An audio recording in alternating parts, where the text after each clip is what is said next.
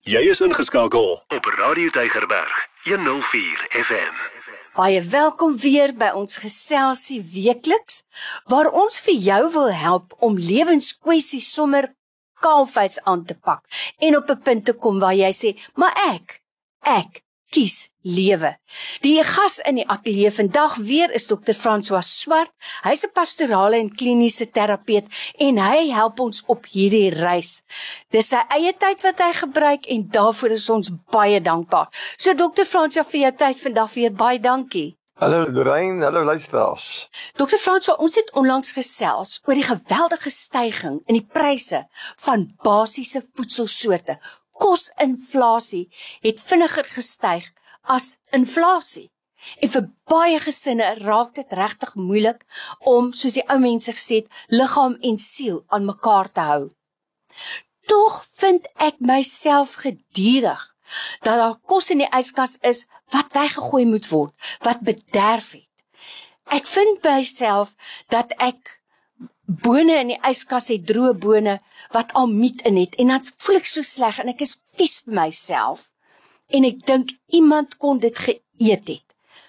Waar begin 'n mens om 'n goeie rentmeester te wees van dit wat jy het om te eet en om altyd maar te dink daaraan dat daar mense is wat nie het om te eet nie.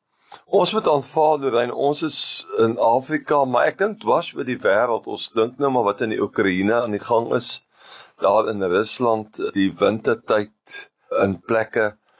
Maar dit val vir my op dat kos is eintlik 'n ding wat 'n mens met baie groot respek behoort te behandel.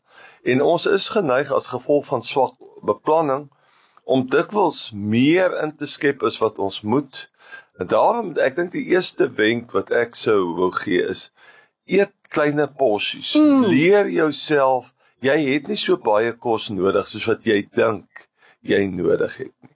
Dis om seker te maak dat jou porsies kleiner word en om dit baie prakties te doen is eenvoudig om met 'n klein bordjie te begin eet. Veral hier na 50, 55, jy het nie meer so baie kos nodig nie. Jy kan met 'n klein bordjie eet en as jy dan nog ietsie wil hê, kan jy dit gaan haal. Ek dink die borde wat ons gebruik is net dood eenvoudig te mm. groot. Mm. Dis dis 'n eerste gedagte. Die tweede gedagte, wanneer ons kos voorberei en aankoop, ek onthou die tappeware beweging. Hierdie pragtige plastiese bakkies. Jy kry soveel verskillende soorte mm. dat wanneer jy 'n groot pak goed oopmaak, dat jy dit nie sommer net kortpad yskas toe vat, want dit is dan wanneer dit sleg word ja. binne in die yskas dat jy dit van die begin af in porsies inskep en dadelik gaan vries en in die gewoonte kom om elke oggend as jy opstaan die kos uit te sit vir die dag dat dit so lank kan ontdooi en dat jy dit op 'n maklike manier kan warm maak. Ek weet baie mense hou nie van opgewarmde kos nie.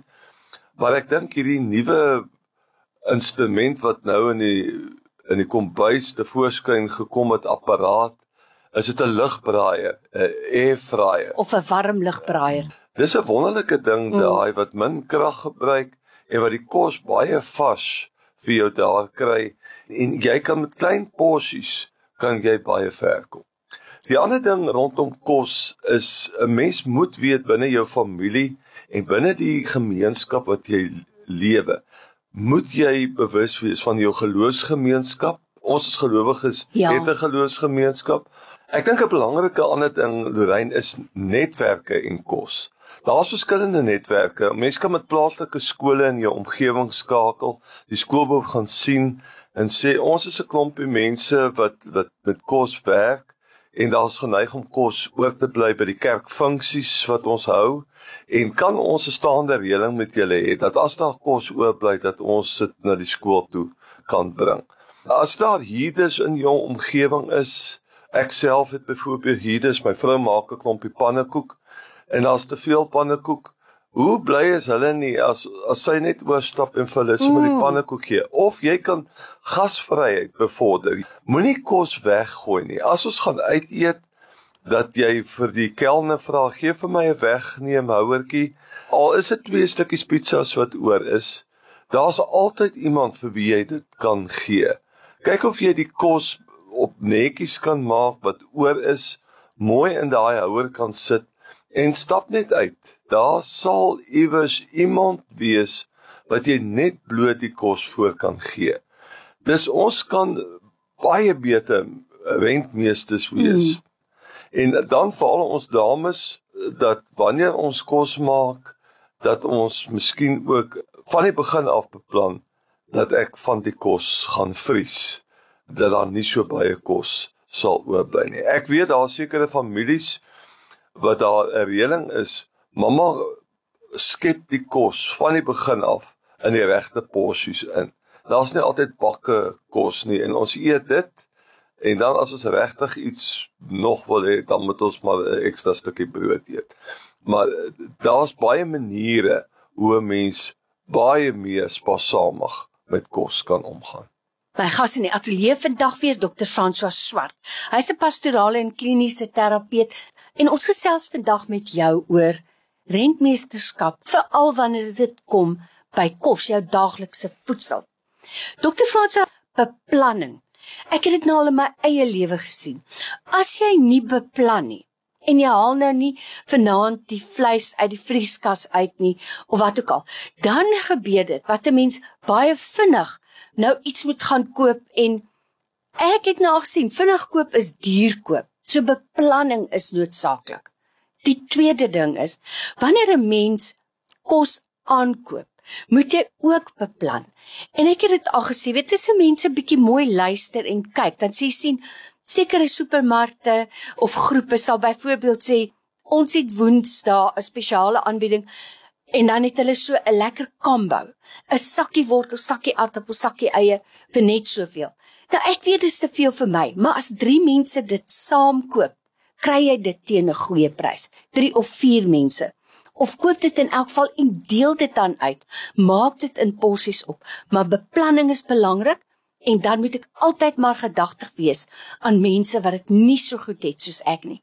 Dr. François reg, ons moet minder eet wat ek gewoonlik doen as ons uit eet wat ons regtig selde doen dan sal ek as hulle my bord kos neersit sal ek vir hulle sê bring vir my weg nie 'n bakkie en ek haal voordat ek begin eet haal ek die helfte uit.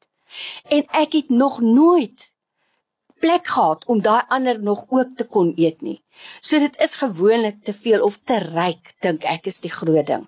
'n mens moet nou maar net met beplanning in jou kop werk. Ten slotte net dokter François Waar kom ek en jy as gelowige in wanneer dit kom by versorging van mense wat minder het as ons? Want ons is baie gou geneig om vir iemand sê, "Het jy nie kerk daar naby nie?" By watter kerk moet jy gaan na jou kerk toe? Waar hou die kerk op en waar begin my verantwoordelikheid? Ek dink ons moet met lysies werk en jy moet net met oop oë in jou omgewing begin kyk. Daar is 'n huis wat jy weet swaar kry wat kos aanbetref. Ons het in Afrika die die mooi woord van 'n hamper. Ek weet nie of ons Afrikaanse woord daarvoor het nie, 'n bonneltjie verrassing.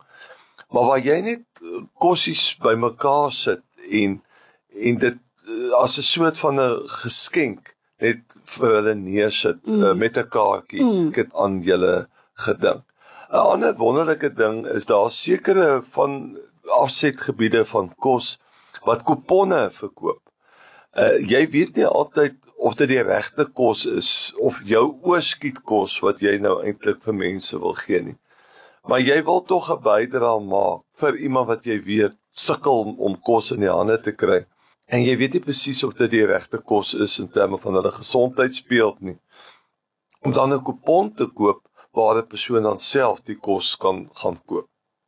Ek dink ons het die wonderlike gebruik as gelowiges voordat ons eet om gewoonlik ons oë te sluit en vir die Here dankie te sê dat ons nou dit kan geniet. Mm. Ons ontvang dit uit sy hand uit. En dit is vir my so wonderlik altyd as ek in die Ou Testament lees toe die volk so swaar gekry het en ook honger te gehad het en hulle manna gesoek het in kwartels dat die Here net altyd vir hulle gegee het vir daardie dag, nie vir die hele maand wat voor hmm. lê nie.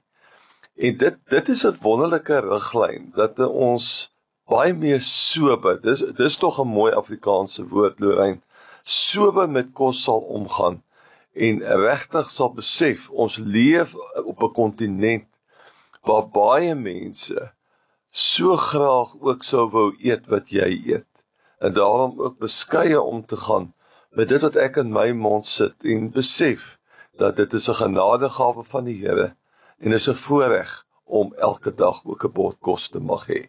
En dan sal jy versigtiger wees om sommer goed net in die asblik te gooi. Sjoe, wyse woorde weer vandag. Dr. Fransja vir jou tyd, ons waardeer dit en ek sien regtig uit na ons volgende geselsie. Ek ook Lorraine en die ouens moet lekker eet. Elke dag jou nommer 1 keuse. Radio Deugerberg 104 FM.